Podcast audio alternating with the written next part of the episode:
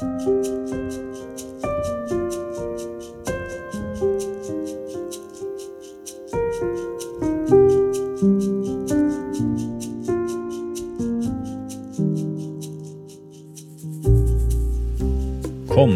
søndag i kirkeåret er på en måte høstens påskedag, fordi vi hører tekster om Jesus som vekker opp døde. Det er fortellingen om Lasarus som står i fokus denne søndagen, men en av oppvekkelsestekstene var dagens ord i bibelleseplanen denne uka, den som står i Lukas 7, om at Jesus vekker opp en enkes sønn i byen Nain. Det skjer da Jesus og hans følge møter begravelsesfølget som er på vei til graven. Her får vi høre et uttrykk som ofte dukker opp når Jesus møter mennesker i sorg eller smerte. Det står da Herren fikk se enken, fikk han inderlig medfølelse med henne. Ordet på gresk for reaksjonen til Jesus beskriver et indre kroppslig ubehag, et slags sug i magen.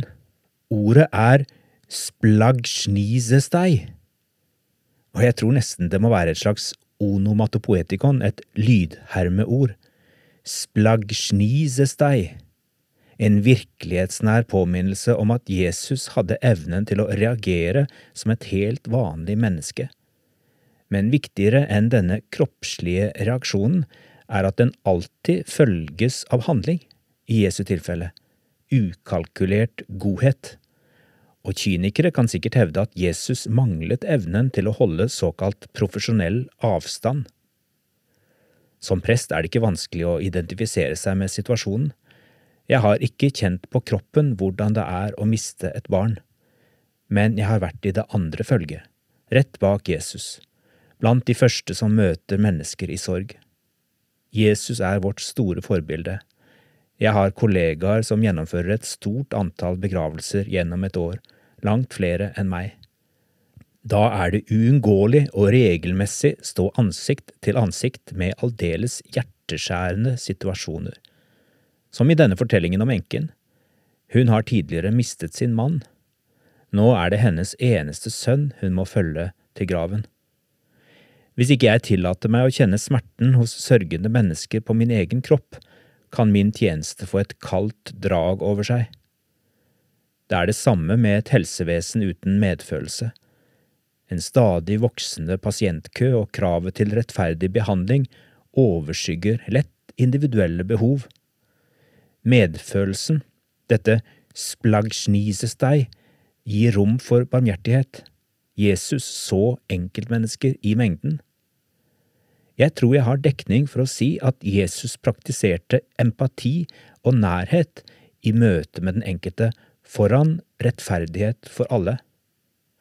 Var Jesus først og fremst opptatt av rettferdighet, burde han ha helbredet alle syke i Israel, og han burde ha vekket opp utallige som døde på tragisk vis hver dag mens han gjestet jorden. Ingen rapporter tyder på at han gjorde det.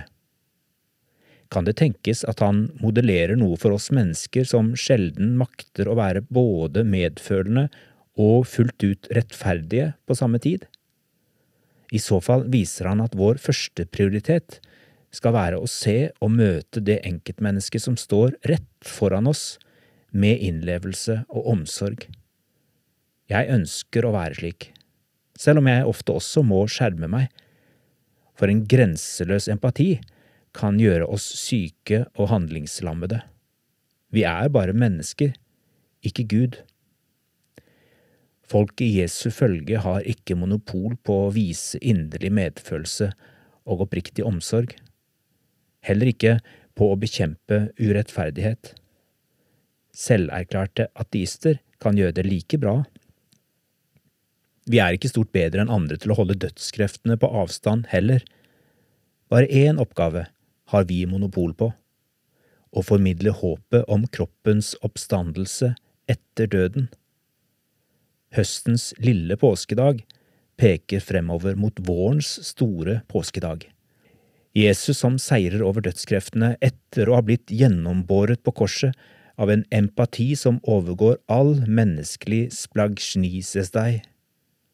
Guds måte å vise virkelig rettferdighet på. han som får det siste ordet når døden har sagt sitt. Splagsjnisestei. Du er ordet for suget i mellomgulvet, det fysiske ubehaget. Det vi kaller medynk med folket som led, var mesterens opprørte mage. Du minner meg litt om et lydhermeord, et onomatopoetikon. For nordmenn helt gresk, men teologisk forstått en urkristen revolusjon. Du er sporet av inkarnasjonens drama, en herre som valgte å tjene. Det splagsjnet i Jesus da nød veltet inn, mens han var på vei til den ene.